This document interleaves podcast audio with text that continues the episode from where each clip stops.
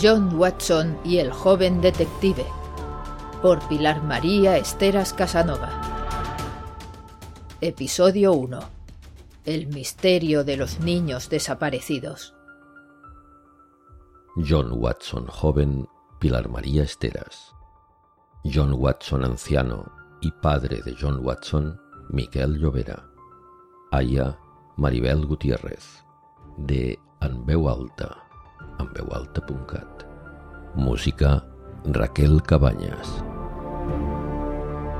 Prólogo. Hace unas semanas, buscando entre mis viejas carpetas unos papeles que necesitaba para ultimar unas gestiones, fui a dar con una pequeña caja de cartón que no recordaba haber visto anteriormente. Estaba descolorida y arrugada, llena de manchas de humedad, pero exhaustiva y cuidadosamente cerrada con unos cordones. La miré por todos los costados, esperando encontrar una inscripción que me diese alguna pista sobre su contenido pero no había nada. La agité y me pareció que quizás podrían ser papeles. ¿Qué puede ser esto? ¿Tal vez alguna reliquia de mi época de colegial?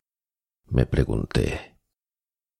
Y como el autor de estas líneas ya ha llegado a una edad en la que los recuerdos se han convertido en uno de los pocos placeres de la vida, y tampoco había ningún otro asunto que reclamase mi atención en los próximos días, decidí satisfacer mi curiosidad y la dejé aparte para echarle un vistazo cuando terminase el trabajo. Por fin, ya de noche, me senté trabajosamente en mi vieja butaca, permitiendo que mis cansados ojos se acostumbrasen a la luz de mi vieja lámpara que reposaba sobre mi también vieja mesita. Me arropé las rodillas con una manta y me dispuse a desenterrar aquel secreto cuidadosamente guardado bajo las capas del polvo y los años. No tenía ni idea de lo que podría encontrar allí, y casi estaba emocionado ante aquel misterio. Un misterio susurré para mí, riendo por lo bajo. A estas alturas de la vida un misterio, doctor Watson. ¿Quién te lo iba a decir? Me aclaré la garganta y deshice pacientemente los nudos del cordel. Aunque mi pulso se mantenía normalmente firme a pesar de mi edad, Noté cómo me temblaban ligeramente los dedos al desenvolver un tesoro que parecía digno del Museo Británico. Podría haber cortado con mi abrecartas la fina cuerda, pero no creí que aquel fuese un final digno para algo que había perdurado a través de las décadas, acompañándome, sin yo saberlo, oculto entre decenas de libros y papeles, y que ahora resurgía de sus cenizas milagrosamente. Tal vez su contenido no tuviese ninguna importancia en el presente, pero no cabía duda de que sí que lo tuvo para mí en el pasado. Así que había que tratarlo con delicadeza y cariño como corresponde hacer con todos esos objetos que se han convertido en valiosos por el simple hecho de haber superado la barrera del tiempo. Por fin conseguí retirar todo el cordelillo y procedí a levantar la tapa de la caja.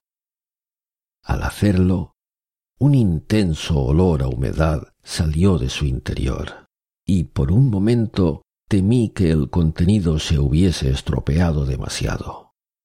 Pero cuando por fin pude verlo, comprobé con alivio que todavía estaba en unas condiciones aceptables. Incluso podía leerse algo sobre la cubierta de lo que parecía un cuaderno. Tuve que colocar la lamparita en el extremo de la mesa, justo al lado de la butaca, y ponerme los anteojos para poder distinguir las letras. Sin duda se trataba de mi caligrafía de niño. Vaya, me dije divertido. Parece que hemos dado con una colección de diarios o algo así. Veamos. A continuación cogí el primero de los cuadernos, me lo acerqué un poco más a los ojos y leí en voz alta y majestuosa. Wirdo y Jonen, el misterio de los niños desaparecidos, por John H. Watson. Me detuve un instante y miré a la pared de enfrente, sin ver nada en concreto, con los ojos encogidos como si intentase atisbar a través del tiempo, a través de mi memoria, sintiendo de pronto un escalofrío en mi espalda. ¿Qué era aquello? Wirdo. Aquel nombre me resultaba lejanamente familiar, pero no conseguía saber por qué. Era como cuando intentas recordar una melodía y no lo consigues. Sabía que significaba algo, que había significado algo importante. ¿Pero qué? Doctor Watson, me dije en voz alta riéndome de mí mismo, tienes la respuesta delante de tus narices. Haz el favor de empezar a leerla. Y así lo hice. Solo que no me limité a empezar, sino que una vez hube leído los primeros párrafos y los recuerdos empezaron a golparse en mi memoria, me vi sumido en una espiral de emociones tan intensas, tan increíblemente arrebatadoras, que no pude parar hasta que acabé de devorar la totalidad del manuscrito. He de reconocer que las lágrimas se me saltaron en más de una ocasión cuando fui reviviendo algunos de los instantes y de los hechos que había narrado yo mismo hacía tantos años. No podía creer que hubiese olvidado semejantes aventuras, y menos aún a aquel joven tan peculiar que habría de acompañarme en las que fueron algunas de las mejores temporadas de mi niñez. Tan entusiasmado estaba yo rememorando aquel pasado lejano que no pude por menos de hojear los demás cuadernos, la mayoría de los cuales contenían las crónicas de nuevas aventuras junto a mi amigo Huirdo. Pasé las páginas deteniéndome tan solo en algunos párrafos que llamaron especialmente mi atención por un motivo u otro. Hasta que finalmente llegué al último de los manuscritos, que terminaba explicando cómo mi amigo había tenido que abandonar el país junto a su familia y que incluso se iban a ver obligados a cambiar de nombre para proteger sus propias vidas a causa de unos extraños asuntos en los que se había visto envuelto su padre, que trabajaba para el gobierno británico. Dios mío, es cierto. Se tuvo que ir y jamás volví a saber de él. No lo recordaba. En ese instante comprendí el motivo por el que había olvidado aquella etapa de mi vida. Recordé entonces el dolor de perder a mi mejor amigo. Recordé que, movido por la rabia de aquella pérdida, escondí los cuadernos en aquella caja y rememoré también el vacío que me dejó, un vacío que no volvería a llenar ninguna otra amistad, hasta que muchos años después, siendo ya adulto, conocí a Sherlock Holmes, exclamé de repente dejando caer el cuaderno al suelo. ¿Será posible que... La idea que se me ocurrió me tuvo ensimismado un buen rato. ¿Podría ser que los dos mayores amigos que he llegado a tener en la vida hubiesen sido en realidad la misma persona? Su aspecto físico, su mirada, su peculiar comportamiento, su inteligencia. Todo coincidía excepto el nombre. No sé cuánto rato estuve allí sentado en mi butaca pensándolo, repasando los escritos en busca de detalles que confirmasen mi teoría, pero de pronto me di cuenta de que estaba empezando a amanecer y que sin embargo no tenía sueño. Todo aquello me había trastornado como ninguna otra cosa lo había hecho desde que corriera mis últimas aventuras con el famoso detective. Y qué maravillosamente bien me estaba sentando aquel trastorno. Esto no puede caer en el olvido, murmuré dirigiéndome a mi escritorio, con más agilidad y ánimos de los que había sentido desde hacía años, impulsado por la alegría de mis recientes descubrimientos. John James Watson, ahora mismo vas a reescribir estas historias para que quede constancia de ellas, antes de que la humedad y las polillas las destruyan por completo. Así que aquí os las presento, copiadas casi literalmente de los cuadernos de mi niñez, salvo algunas correcciones de los errores normales que un niño puede cometer al escribir, y con la esperanza de que todos vosotros disfrutéis tanto leyéndolas como yo lo hice al escribirlas.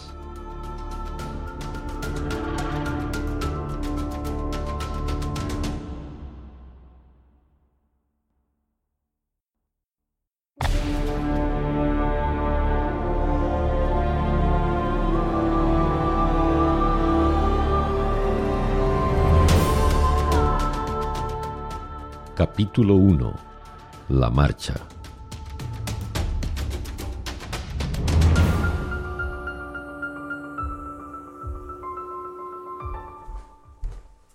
Señorita John. Pelaya entró como un torbellino en la oscura habitación mientras yo le veía los pies desde debajo de mi cama. Se detuvo un momento en medio del cuarto, pero enseguida avanzó hacia donde yo estaba agazapado y se agachó. Señorita John, dijo con su voz bondadosa pero firme. Haga el favor de salir de ahí. Ya sabe cómo se pondrá su padre si llegan tarde a Londres. Yo no me moví. Ir a la ciudad, abandonar la casa de campo en la que había vivido toda mi infancia, dejar atrás a mis amigos, mis cosas, todos los recuerdos relacionados con mi madre. Había llorado amargamente cuando ella murió, hacía ya un año. Pero Jane, el aya me había ayudado mucho y se había convertido para mí en una especie de amiga, casi una cómplice. Ella me entendía, y ahora también iba a tener que dejarla atrás. Otro vínculo roto. Por favor, señorito, yo no puedo sacarle de ahí, y no quiero que acabe viniendo él a sacarle a usted. Su mirada comprensiva y suave me acabó de convencer. No quería que ella sufriese las consecuencias ante mi padre. Jane, no quiero marcharme, murmuré pasando por encima del nudo de mi garganta, procurando no romper a llorar mientras salía de mi escondite. Este es mi hogar. En Londres no voy a poder jugar en la calle, ni voy a tenerte a ti. ¿De verdad no puedes venir? Ya hemos hablado de eso, jovencito. Sabe que mi familia me necesita aquí, y también que podrá escribirme siempre que quiera contestó sacudiéndome la ropa y con la voz débil a causa del esfuerzo por contener el llanto. Contemplé la habitación en penumbra, con todos los muebles cubiertos por sábanas, como si fuesen los fantasmas de mis recuerdos, mientras la joven Aya me repasaba el peinado con sus ágiles y afanosas manos. Allí era donde solíamos pasar las tardes de invierno mi madre y yo, cuando no podía salir a jugar con mis amigos. La casa no era especialmente pequeña y disponía de un saloncito de té muy apropiado donde ella habría podido estar leyendo, bordando o charlando con sus amigas. Pero siempre prefería estar conmigo, en mi cuarto, a pesar de las continuas críticas de mi padre por ello. Le estás malcriando. solía decirle. Los niños no deben pasar tantas horas con sus madres a estas edades. Se ablandan y se vuelven inútiles y pusilánimes. Afortunadamente él permanecía la mayor parte del tiempo fuera de casa, en el consultorio por las mañanas y atendiendo a los enfermos en sus domicilios por las tardes. En realidad, aunque demasiado malhumorado frío y distante, era un buen hombre y un gran médico. Por esto último le habían ofrecido una plaza en el Hospital San Bartholomew de Londres, y ahora nos teníamos que mudar. Cerré los ojos con fuerza y apreté los puños, intentando contener el llanto, pero las imágenes de mi madre sentada en el suelo conmigo, jugando a los soldaditos de plomo al calor de la chimenea, o en el sillón leyéndome un libro, o en la mesa jugando a cartas. Todas ellas me invadieron el cerebro, y finalmente, sin poder evitarlo, rompí a llorar desconsoladamente abrazando a Jane. Lloré como nunca antes lo había hecho, liberando por fin toda la amargura, la intensa y profunda tristeza de aquel vacío que me estaba ahogando y destrozando. Tenía tanta rabia y tanta impotencia acumuladas durante aquel último año, tantos sentimientos que no había podido expresar, que tuve que hacer un esfuerzo sobrehumano para que mi llanto no se convirtiera en un grito desgarrador y desesperado. No quería llorar, pero no podía evitarlo. No quería marcharme, pero no me quedaba más remedio. No quería vivir en una ciudad, pero me iba de cabeza a ella. No quería que mi madre hubiese muerto, pero ella ya no estaba allí.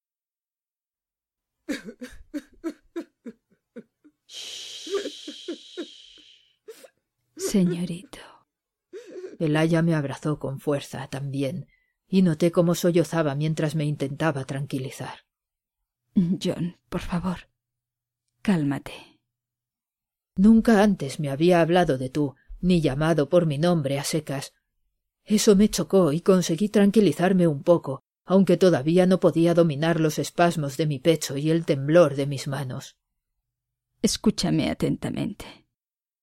¿Recuerdas cuando sacaste tú solo al hijo pequeño de los Smith de aquel pozo? Fuiste tú el que logró encontrarle cuando ya todos lo daban por perdido después de dos días de búsqueda, tú continuaste. Y después, cuando nadie se atrevía a bajar allí por miedo a los desprendimientos, tú lo hiciste. No lo dudaste ni un solo instante. Ese niño te debe la vida, John. Hizo una pausa para enjugarse las lágrimas y separarme de ella, sujetándome por los hombros. Me miró fijamente a los ojos y continuó. ¿Y sabes por qué?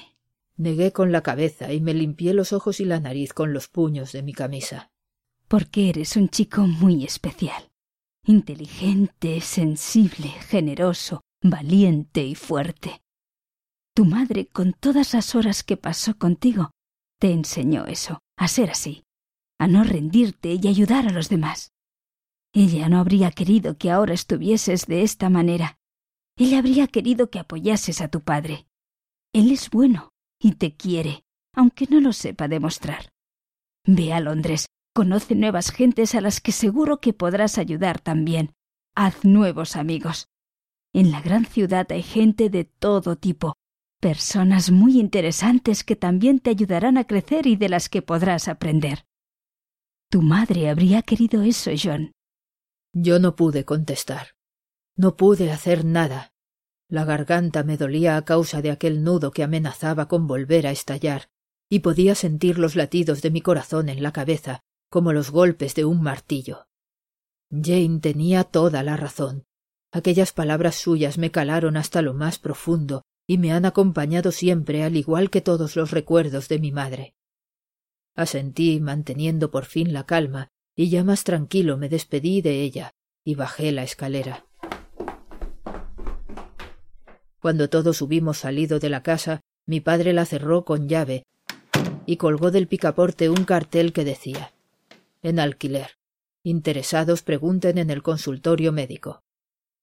Después subimos él, mi hermano y yo al carruaje, y en pocos minutos vi cómo Jane y la casa desaparecían de mi vista. En aquel instante supe que mi vida de niño, mi sencilla infancia de niño de campo, se había acabado comenzaba para mí una nueva etapa. Lo que yo no sabía en aquel momento era la forma tan increíblemente fantástica, sobrecogedora y emocionante en que iba a tener lugar aquel cambio. Como también desconocía lo profundamente que influiría sobre mí la persona más abrumadoramente especial que jamás llegaría a conocer en mi nueva vida.